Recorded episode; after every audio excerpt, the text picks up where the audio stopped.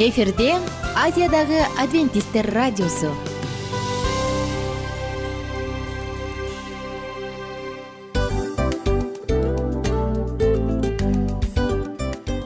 Достор салют. Баардык сүйүктүү угармандарыбызга салам айтабыз. Кутман күнүңүздөр менен. Ден соолук өмүрдүн булагы демекчи саламат саамы программасында баарыңыздарды көргөнүбүзгө абдан кубанычтабыз. Анда алгач амандашып өтөлү арбаңыздар деп. Ден соолугуңуздар кандай элибизде көбүнчө ден соолук кандай дегенде эле жакшы деп жооп беребиз э? ооруп турсак дагы жакшы дейбиз. Анан мен муну айтып ойлойт элем бул абдан сонун сөз депчи анткени бул жакшы деген үмүт да э ооба баары жакшы болот баары сонун. Деп үмүттөнүп атып эле өзүбүздү өзүбүз дарылап коебуз.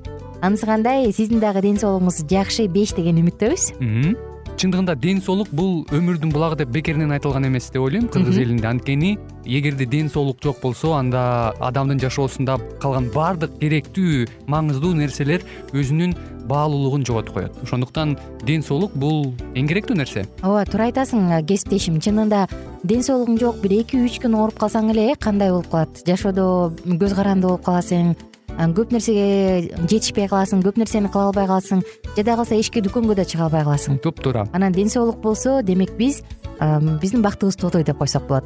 Анда достор саламат рубрикабызды баштайлы алдыда өзүңүзгө керектүү болгон сонун кеңештерди уга аласыздар. Мына ошондуктан биз менен бирге болуңуздар. Ал эми биз болсо милан жана айнура. Кеттик алга. Алга саламат саама ден соолуктун жарчысы. Саламат саама ден соолуктун ачкычы. Күн сайын сиз үчүн мыкты кеңештер сонун жаңылыктар кызыктуу фактылар. Биздин рубрикада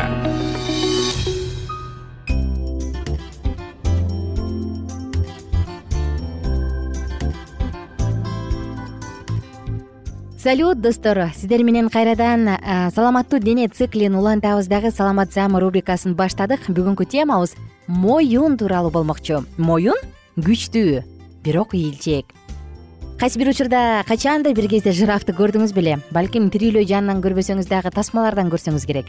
Анын боюн аны деги эле байкабай калуу мүмкүн эмес э достор. Анткени ал жер үстүндөгү эң узун жаныбар эмеспи. Анын бою мойнун кошпогондо үч метрдей ал эми мойнунун узундугу эки жарым метрдей. Өзгөчө ал бийик акациянын бутактарына жетиш үчүн отуз сантиметрдей болгон тилин жусунганда ой достор аны байкабай коюу мүмкүн эмес.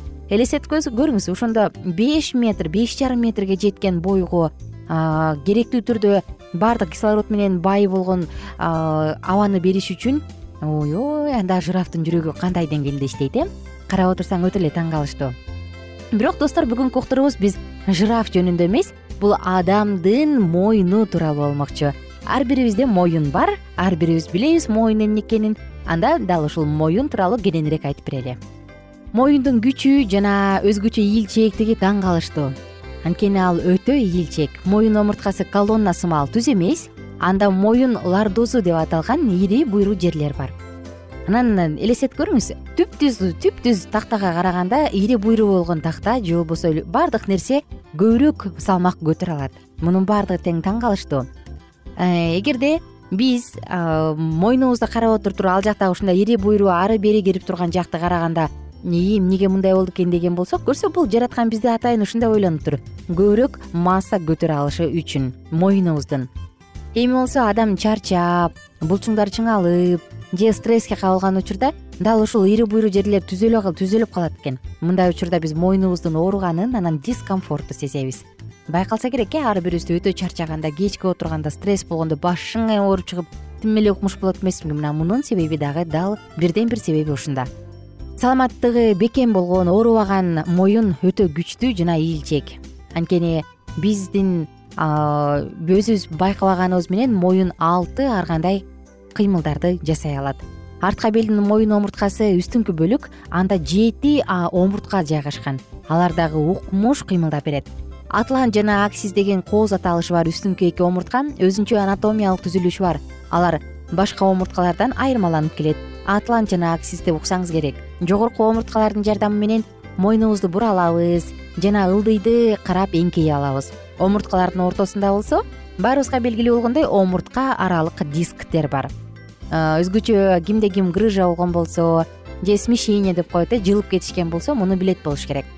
Бир караганда ушул дисктер омурткаларды бөлүп салмакты амортизациялаш үчүн жөнөкөй жаздыкчалардай болуп көрүнөт. Бирок алардын түзүлүшү өтө эле морт убакыттын өтүшү менен адам улам картайган сайын дал ушул омурткалардын арасындагы дисктер кургай баштайт.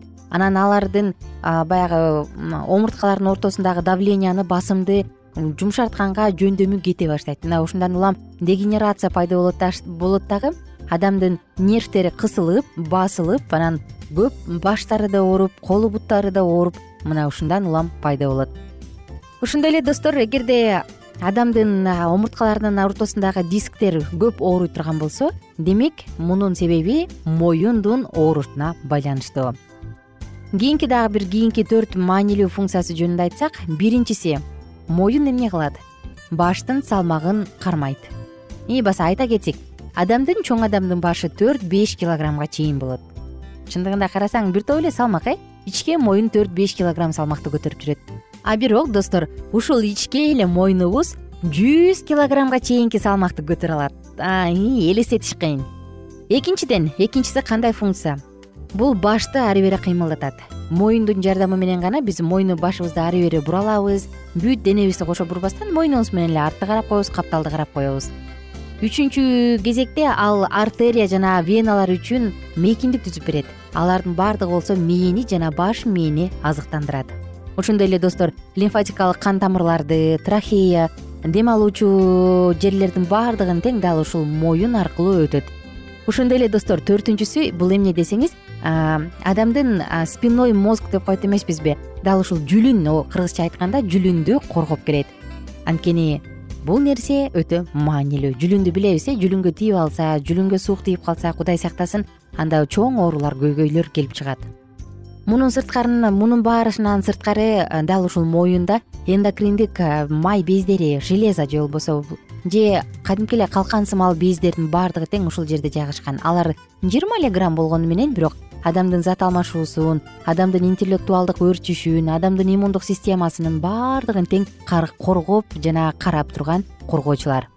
Эми достор моюн тууралуу бир нече кызыктуу фактыларга токтоло кетсек бирманск уруусунда падаунг деген нерсе бар. Бул акун укундай болгон моюн. Көрсө ал жакта айымдар кичинекей кезинде эле моюнуна шакекчелерди кийгизе баштайт экен дагы. Моюн канчалык чоюлса демек ал адам ошончолук бай ошончолук статуска ээ деген түшүнүктө болушат экен. Ошондуктан кичинекей бала чоңойгон сайын эле улам ага мойнундагы шарикке кызга кыз балага шариктерди тага беришет тага беришет тага беришет дагы мойну акун укундай узун болуп чыгат экен дагы бир кызыктуу факт. Мырзаларга караганда аялдардын мойну көбүрөөк ооруйт экен анткени айымдар көбүрөөк стресске кабылышат экен. Ушундай кызыктуу фактты айтып швед университети адамдарды таң калтырган чындыгында айымдар көбүрөөк стресс болобуз э? Майда чүйдө болбогон нерселерге дагы стресс болуп келет эмеспизби. Кийинки дагы нерсени айтсак достор моюнга засос коюп коет эмеспи э? Засос деген билет болушубуз керек. Баарыбыз муну өзгөчө жаштар моюнду өөп көк ала кылып коюшат эмеспи эгер жөнөкөй тил менен айтсак. Кырк төрт жаштагы жашоочу айым жаңы зеландиянын тургуну больницага ооруканага шашылыш түрдө түшүп калыптыр. Анын колу паралич болуп иштебей калган. Көрсө бул эмненин натыйжасы десе моюнга коюлган засостун же болбосо өбүүнүн натыйжасы экен. Ошондуктан моюнду катуу сордурбаш керек. Катуу сордуруп өптүрүүнүн кереги жок. Убактыбыз өтө аз. Дагы да болгондо көбүрөөк кызыктуу маалыматтарды айтып бермекмин сиздер менен убактылуу гана коштошом. Эң негизгиси моюн керемет жаратылган дал ушул моюнуңуздун саламаттыгы үчүн кам көрүңүз жана бар болуңуз. Кийинки уктуруулардан амандашканча. Саламат саама ден соолуктун жарчысы. Саламат саама ден соолуктун ачкычы. Күн сайын сиз үчүн мыкты кеңештер сонун жаңылыктар кызыктуу фактылар биздин рубрикада. Салют замандаштар баарыңыздарга ысык салам дил маек программабызга кош келиңиздер. Дил маек рубрикасы дегенде эле бул эмне болгон дил маек? Ким менен маектешебиз деп сурайт болуш керек угармандарыбыз. Бул рубриканы кыскача тааныштыра кетип турган болсок ар тарап кесип ээлеринен болгон сонун интервью кеңештер бар ооба. жылдыздар менен болгон маек бар аталарыбыздын агаларыбыздын чоң аталарыбыздан сонун кеңештер бар ошондой эле эже сиңдилердин кеңештери бар айтор. Баардык кызыктардын баары алдыда. Негизи эле адам баласы бир кимдир бирөөнө ишенип сырын ачкысы келет эмеспи э? Мындай баарлашууга жакын келебиз го? Албетте. Негизи бир жерге отуруп алып кенен шашпай баягы жүрөктөн жүрөккө ачып сырларыбызды ар кандай көйгөйлөрүбүз менен бөлүшүп баягы чын жүрөктөн маек курганды кимибиз сүйбөйбүз э? Ооба десең ал нерсеге суусап да келебиз да? Ооба кээ бирде адамга чындыгында баягы э, ысык маек баягы жылуу маек жетишпейт да. Ошондуктан биз ушул рубриканы ойлоп тапканыбызда эң биринчи эле достор сиздер менен чын жүрөктөн бир маңыздуу темаларды козгоп кеткени э, кааладык. Ошондуктан ушундай сонун бир рубриканы тартуулап жатабыз. Анын үстүнө радио дагы сонун дос да анткени э, мындай учурда досуңа айтсаң досуң досуна айтат досу досуна айтат да анан бүт өлкө билип калышы мүмкүн го а радио болсо сени сатпаган сенин айыбыңды ачпаган. Сенин сырыңды эч кимге айтпаган сонун дос ошондуктан биздин алдыдагы айта турган кеңештерибизди биздин досторубуздун кеңештерин угуп анан ал жака пикириңизди дагы калтырып кайрадан биз менен байланышсаңыздар болот. Деги эле жашооңузга эгерде кичине болсо дагы өзгөрүү алып моралдык жактан моралдык жактан сонун бир кеңештерди алсаңыз демек биз максатыбызга жеттик. Ооба. Чыңгыз атабыз улуу жазуучу э, чыңгыз айтматов айткандай адам болуу бул күнүмдүк процесс экен. Күн сайын адам бойдон калуу бул адамзатка эң эле кыйын дейт э? э эң кыйын дейт. Чындыгында бунун негизинде адамдын эң баягы сапаттуулугу адамдын э, адамгерчилиги жана көптөгөн керектүү нерселер. Мына ошол темалар дагы бизде э, ушул дил маекте биз аларды да козгойбуз. Ден соолук жөнүндө да сүйлөшөбүз. Сөзсүз түрдө анан милан мырза негизи айтып коюшат го. Биз көбүнчө эмнени ойлонсок ошол нерсеге карата иш кылабыз го. Ооба. Анан анысы кандай? Балким бул радио баракчада кимдир бирөөнүн оюн текшергенге жардам берет кимдир бирөөнүн жүрөгүн текшергенге жардам берет.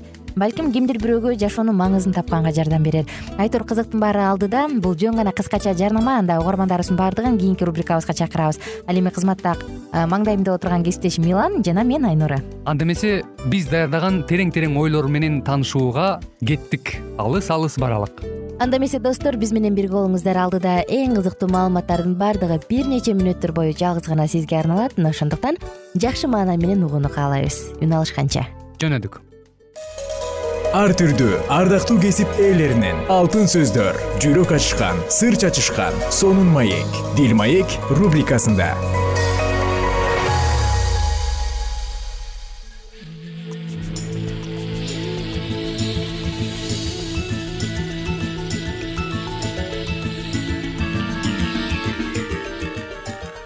кутмандуу күнүңүздөр менен кадырман радио угармандарыбыз кайрадан эле сиздердин назарыңыздарда бактылуу никенин баалуу эрежелери аттуу берүүбүздө кездешип жатканыбызга өтө кубанычтабыз. Кызматыңыздарда мен улан кубанычбеков кайрадан эле сиздер менен бүгүнкү программабыздын чыгарылышында биз э, аял менен эркектин үй бүлөдөгү милдеттери туурасында кеп кылалы деп турабыз. Эгерде өткөн берүүбүздөр сиздердин эсиңиздерде болсо биз студиябызга атайын мейман чакырганбыз. Дал ошол мейманыбыз бүгүнкү программабызда дагы биздин бир катар суроолорубузга жооп бермекчи андыктан биздин ободон алыстабай дал ушул мүнөттөрдө биз менен биргеликте болуңуздар. Анда эмесе сиздерди дал ушул бүгүнкү студиябыздын коногу менен тааныштырып өтсөм жеке ишкер жана ошондой эле кесиби боюнча теолог алмеизов урсулан мырза кайрадан биздин студиябызда мейманда. Саламатсызбы урсулан мырза студиябызга кош келипсиз саламатчылык рахмат. Урсулан мырза ушул үй бүлөлүк жаатта биз маек кылаардын алдында деги эле сизди үй бүлөнүн башчысы катары баягы бир үй бүлөнүн кожоюну катары алгачкы суроом төмөндөгүчө болмокчу да. Деги эле аял менен эркек үй бүлөдө э, кандай жоопкерчиликтерге э, мындай олуттуу кароолору керек бүгүнкү учурда? Э, рахмат. Баягы чоң жоопкерчилиги бул баягы үйлөнгөндөн кийин эле кайда жашайбыз кайсыл жерде жашайбыз же болбосо кандай үйдө жашайбыз деген баягы олуттуу бир жоопкерчилик келип ар бир эркекке тийсе керек. Мисалы эркектин милдети үйүн куруу же болбосо ошол үйүн эле жылуулукта кармоо же ошол үйүнө ар дайым тамак аш болуп туруусу зарыл да. Бул эркектин биринчи чоң жоопкерчилиги үй бүлөсүн багуу дагы ал эми аял кишинин болсо милдети бул аял киши ошол үйдү таза кармоо аялдын милдети. Же болбосо баягы келген конокко баягы мээримдүүлүк менен кам көрүп чай берүүсү бул аялдын бир чоң милдети экен да. Же болбосо ошол эле учурда күйөөсү баягы үйдү куруп жатса же болбосо ошол жылуулукту куруп жатса ошол курулушка аялдын дагы жоопкерчилиги же болбосо милдети бир абдан чоң экен да жардамдашуусу. Бизде көп учурда баягы бири бирине маани бербейт го баягы эркек кылып жатса эми тиги күйөөм кылат да. Же болбосо баягы аял кылып жатса эми аялым кылат да деп баягы жоопкерчиликтерди бир эле максатта баягы жашайбыз үй бүлө болуп. Бирок ошол эле учурда бир максатта эмес же болбосо бир команда же болбосо бир үй бүлө эмес эле эки башка адам болуп жашаган учурлар да болуп калат да. Ошондуктан үй бүлө болгондуктан эки адам бир команда болуп же болбосо баягы бир үй бүлө болгондуктан ушу бир эле жоопкерчиликти эки адам тең тең бөлүшүүсү зарыл да. Демек баягы бир арабаны чогуу тартыш керек деген сыяктуу бир ойду айткыңыз келип жатат э? Ооба албетте. Бир арабаны чогуу тартса баягы жеңил болот эмеспи туурабы? Сөзсүз түрдө абдан жакшы анда эмесе кийинки суроомду да ыйгара берсем. Деги эле үй бүлөлүк жашоодо эркек менен аял э, өз милдеттерин аткарууда э, эмнелерге көбүрөөк мындай көңүл буруулары зарыл болот? Э, эң биринчи эң керектүү нерсе мисалы эркек аялына көңүл буруусу керек да биринчиден. Э, ошондой эле аялы болсо күйөөсүнө эң биринчи көңүл буруусу зарыл да баягы биз э, үйлөнгөндө эле көп учурда эле баягы материалдуу нерсеге көңүл буруш керек деп ойлоп калабыз. Бирок материалдуу нерсеге көңүл буруп келатып эле баягы личность мындайча орусча айтканда личность бул экинчи ролду калып калат экен да анан баягы таарынычтар башталат да. Баягы күйөөм мага көп көңүл бурбай калды же болбосо баягы сүйүү сөздөрүн айтпай калды же болбосо баягы башында сүйлөшүп жүргөндө мындай эле азыр мындай болуп калды деп баягы аял кишинин таарынычы башталат. Же болбосо эркек киши дагы баягы үйлөнгөнгө чейин бул кыз мени сыйлачу эле. Үйлөнгөндөн чо бул мени сыйлабай калды деп баягы бир көз караштары же болбосо бир э, жеке ошол эки адам бири бирине көңүл бурбай калгандыктан баягы материальный нерселерге көңүл буруп калгандыктан мындай бир жагдай же болбосо бир проблема келип чыгышы мүмкүн экен ошондуктан мен ойлойм же болбосо баягы көп жаштарга акыл айтканда колдон келишинче экөөң бири бириңе баягы милдеттердин кайсысына көңүл буруу керек дегенде эң чоң милдет бул ошол э, жардамчыңа. Же болбосо аял киши өзүнүн э, үй башчысына көңүл буруусу зарыл экен да. Эркек адам деги эле үй бүлөдөгү өз милдеттерин э, же болбосо ошол эле эркек менен аял э, жеке милдеттерин бири биринин э, мындайча айтканда мойнуна жүктөп коюуларынын өзү негизи мындай туура көрүнүшпү? Сиз кандай деп ойлойсуз ушул маселеде рахмат. Бирок менин оюм боюнча бир акыл эстүү кишиге бул туура эмес деп көрүнүш катары ойлойм да. Анткени бул туура эмес. Анткени эки адамдын жоопкерчилигин бир адам көтөрсө ал адам сөзсүз кыйналат да. Баягы эле эми алды күчтүү болуп баягы бир жыл эки жыл үч жыл сүйрөйт баягы жоопкерчиликти бирок бир канча убакыттан кийин ал адам мындайча айтканда бир э, жашоодо бир көңүлү калып же болбосо бир жашоодо бир стресске же депрессияга түшүп ал адам кыйналышы ыктымал да. Ооба сөзсүз түрдө менимче баягы моралдык жактан деле ал чарчап калат болуш керек да. Моралдык жактан да чарчайт физикалык жактан деле чарчап же болбосо бир кээ бир үй бүлөлөрдү көрүп жатабыз бирөө эле жоопкерчиликти көтөрбөгөндүктөн денелик жактан дагы баягы физический деп коебуз баягы ден соолугунан ажыраган да үй бүлөлөр бар да. Жоопкерчиликти колдон келсе эркектер өзүнүн жоопкерчилигин өзү алып аял киши өзүнүн жоопкерчилигин кээ бирде аял кишилердин дагы аша чапкандар деле болот. Баягы аял киши өзүнүн жоопкерчилигин аткарбастан күйөөсүнүн жоопкерчилигин өзү тартып алган учурлар болот да баягы өзүнүн жоопкерчилигин мисалы үйдөгү аял киши бул назик болуш керек да. Аял киши назик болуш керек алсызыраак болуш керек да. Ошондо эркектер көбүрөөк баягы алсызга же болбосо назик адамга биз көбүрөөк мындай баягы сүйүүбүздү арнай алабыз же аяп аябоо сезим бизде болот да. Ал эми качан эркек кишиге өзүндөй күчтүү же болбосо бир соперник деп коебузбу же баягы өзүндөй бир күчтүү нерсе болсо эркек киши ал адамды сыйлабай да калат да. Ошон үчүн баягы үй бүлөдө баягы моюнтуруктуу талашканда дагы этият болушубуз керек да. Аял киши өзүнүн сапатына жараша баягы өзүнүн назиктигин же болбосо өзүнүн алсыздыгын билип сактаса эркек киши ошончолук ошол назикке баягы тартылат да. Же болбосо ошол э, аял затын ушунчалык алсыз экенин көргөн эркек ар дайым ошону коргогонго же болбосо ошол жоопкерчиликти ар дайым өзү аткарганга умтулат ал эми ошол эркектин жоопкерчилигин талашып жаткан аял кишилерге дагы бул бир коркунуч бар. Баягы эркек киши мындайча айтканда баягы неме болуп калат да көз алдына бир назик эмес эле же аял зат эмес эле бир эркек киши турат да баягы жоопкерчилигин аткарбай баягы көңүл боштук кылган эркектер ошондон пайда болуп келет да. Ошон үчүн мен бул эфирден дагы колдонуп ушу аял кишинин өзүнүн назиктигин жана ошо өзүнүн алсыздыгын э, баягы колдон келишинче сактап жашаса эркектерибиз өзүнүн жоопкерчилигин э, бир жүз пайызга аткарат деп ишенет элем да. Э, демек кандайдыр бир деңгээлде эркек дагы аял дагы өзүнүн жоопкерчилигин аткарууда ар бир эле инсан ушуну сезе билсе деген ойду айткыңыз келди окшойт чоң рахмат э, атайын эфирге убактыңызды арнаганыңыз үчүн. Ал эми ардактуу радио каармандар ушуну менен бизге бөлүнгөн убактыбыз дагы өз соңуна келип жетти. Бүгүнкү программабыздын чыгарылышында сиздер аял менен эркектин үй бүлөдөгү милдеттери туурасындагы атайын айрым бир кеңештерге орток боло алдыңыздар. Кайрадан эле биз сиздер менен э, дал ушул аба толкундан үн алышканча ар бириңиздердин үй бүлөңүздөрдө амандык болсун. Сак саламатта болуңуз ар түрдүү ардактуу кесип ээлеринен алтын сөздөр жүрөк ачышкан сыр чачышкан сонун маек дил маек рубрикасында. Жан дүйнөңдү байыткан жүрөгүңдү азыктанткан жашооңо маңыз тартуулаган жан азык рубрикасы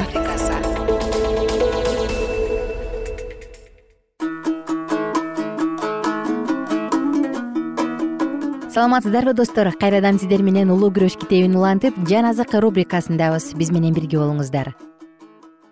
Адилетсиз адамдар жер үстүндөгү өз энчисин алышат. Мына меште алоолонгон кыямат күн келе жатат. Ошондо бардык текеберлер менен арамза иш кылгандар самандай дүрт тутанып келе жаткан кыямат күндүн отуна куйкаланат дейт ааламдын теңири. Малахия китеби төртүнчү бап биринчи аят бирөөлөр ошол замат жок болушса башкалары көп күндөр кыйналышат. Бардыгы өз кылган иштерине жараша энчилерин алышат. Адилеттүү адамдардын жасаган күнөөлөрү шайтандын үстүнө жүктөлгөн. Ошондуктан ал өзүнүн күнөөсү үчүн гана жооп бербестен башка адилеттүү адамдардын күнөөсү үчүн дагы жооп бериши керек. Тазалоочу отто адилетсиздер биротоло бутак жана тамыр болуп тазаланышат. Шайтан дүмүр. Ал эми анын жолдоочулары бутактар мыйзамды бузгандар үчүн толук өч алынган. Адилеттиктин талаптары канагаттандырылды. Ушунун бардыгын көргөндөн кийин асман жана жер дагы кудайдын адилеттигин билишет. Шайтандын талкалоочу иштери биротоло жок болгон. Алты миң жыл аралыгында ал өз каалаганындай жер үстүн кайгыга салып аракеттенген жана түгөл ааламды кайгырткан. Бардык жаратылыш оорудан толгонуп азап тартышты эми болсо кудайдын жаратылышы түбөлүккө анын азгырыгынан жана аракетинен бошотулду. Бүт жер жүзү тынчтанып эс алып кубанычын куттуктап жатат. Ышая он төртүнчү бап жетинчи аят. Бардык күнөөгө батпаган аалам кубанычтан даңктуу ырларын жаңыртып ырдашат жана көп элдердин үнүндөй көп суунун шаркыраганындай катуу күркүрөөнүн үнүндөй үндөр угулат.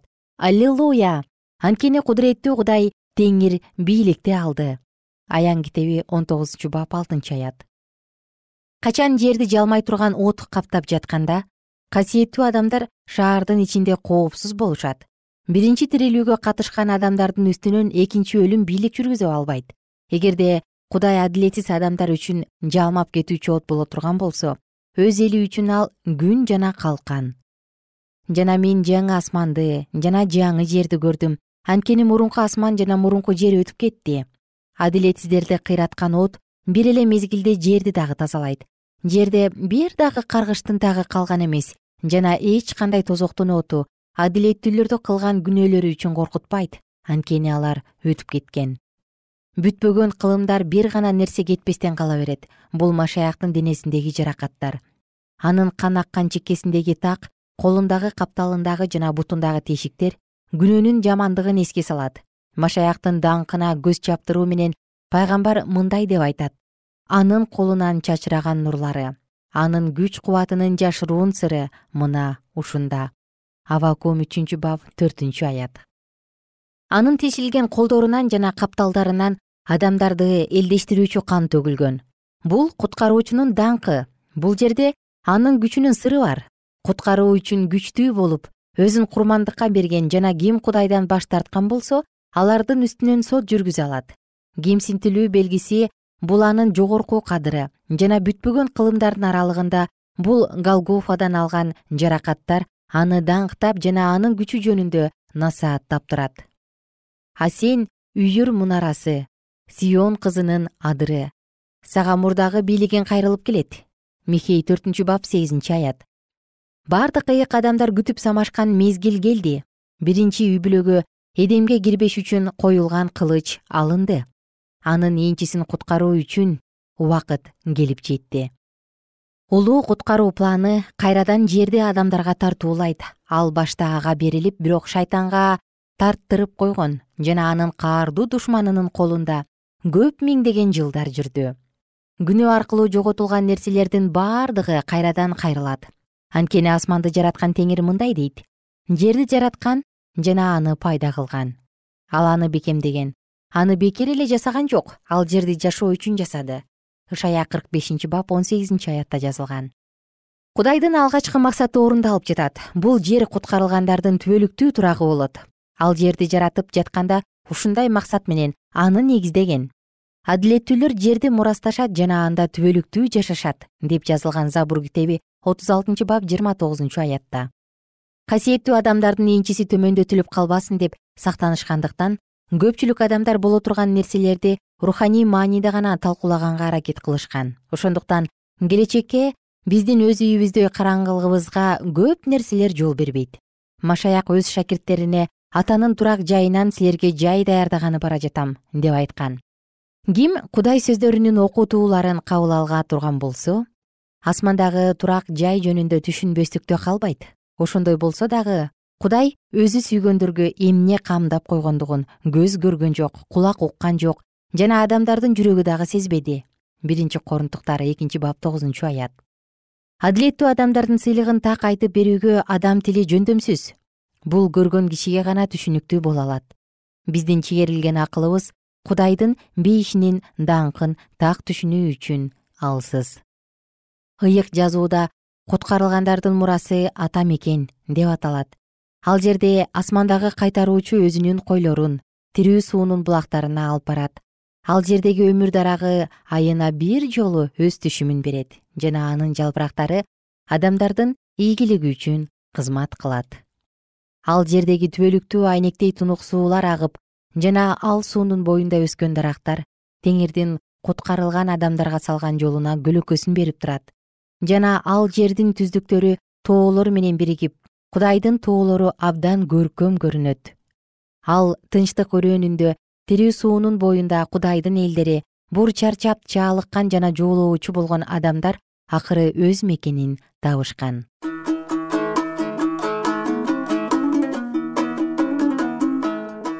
Кымбаттуу достор мынакей сиздер менен бүгүн дагы улуу күрөш китебинен кереметтүү саптарды окуп өттүк баардыгыңыздарга кааларыбыз жаратуучубуздун улуу тынчтыгы жүрөгүңүздү толтурсун. Кайрадан кийинки уктуруулардан амандашканча сак саламатта туруңуздар. Күнүңүздөр көңүлдүү улансын. Ар бир үйдө ар бир жүрөктө ар бир жерде жаратуучуга болгон үмүт жана сүйүү тутана берсин от ала берсин. Бар болуңуздар достор кайрадан амандашканча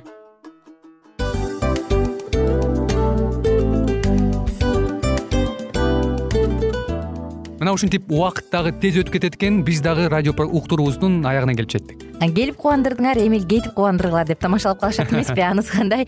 Радио баракчабызды программабызды азыр эле баштап аткандай болдук элек. Мына соңуна келдик э? Негизи убакыт э, билинбей өтүп кетет экен? Мен дагы э, убакыт дегенде бүгүн бир адам менен сүйлөшүп калдым. Анан убакыт бул мүмкүнчүлүк деп айтып өзүмө өзүм айтып алып анан мага өзүмө эле кайра ачылыш болду да чын эле э Э, карап отурсаң ошол эле жыйырма төрт саат ошол эле жарым саат кайталанып атат. Бирок сендеги мүмкүнчүлүк жок ошол кой берилип кетти? Анысы кандай? Бүгүнкү сонун убактыңызды алтындай болгон жарым саатыңызды бизге бөлүп арнаганыңыз үчүн ыраазычылык айтабыз анан жашооңуздун кайсы бир сферасын өзгөртө турган сонун пайдалуу кеңеш алган болсоңуз анда биз максатыбызга жеттик. Анан ушул нерсени кылбасам десеңиз ошол өзгөрүүлөрдү кичинекей кадамдардан баштап иш жүзүнө ашырыңыз дагы жашооңузда чоң чоң ийгиликтерге жетиңиздер.